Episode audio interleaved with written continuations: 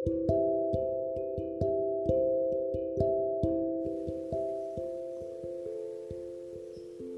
di bangku sekolah dasar adalah masa yang menyenangkan.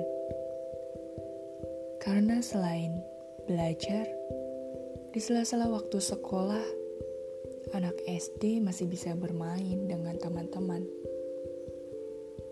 Berangkat pulang sekolah diantar, dan setelah sampai di rumah, bermain dengan anak-anak di sekitar rumah.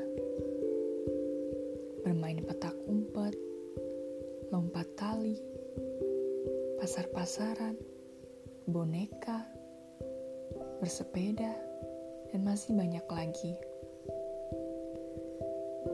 Namun di masa ini adalah masa-masa di mana anak-anak mulai mengenal teman. Dan dari pertemanan bisa muncul selisih paham dan menjadi tidak akur pertengkaran, adu mulut, dan antara laki-laki dan perempuan bisa jadi adu baku hantam. Aku jadi teringat dengan salah satu teman. Di sini, aku tidak akan menyebut namanya. Anaknya pintar. Kala itu tingginya hanya sebatas pundakku rambutnya lurus, dengan dahi yang lebar. Anaknya aktif dalam pelayanan gereja dan menjadi ketua kelas berturut-turut dari kelas 1 sampai kelas 6. Seingatku begitu.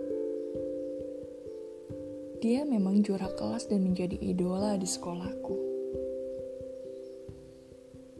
Aku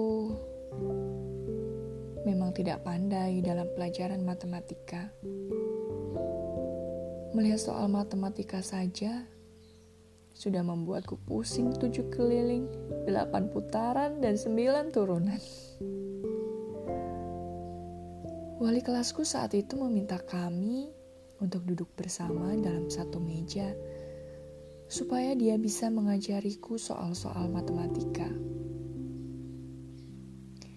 Memang aku sedikit terbantu untuk dapat menyelesaikan soal-soal matematika. Tapi keisengannya untuk menjahiliku membuat aku geram dan sebal, walaupun sebetulnya aku mengagumi dirinya. Teman-teman membuliku dan menyebut namanya ketika memanggilku seperti macam biro jodoh. Dan semakin lama, semakin membuatku merasa tidak nyaman.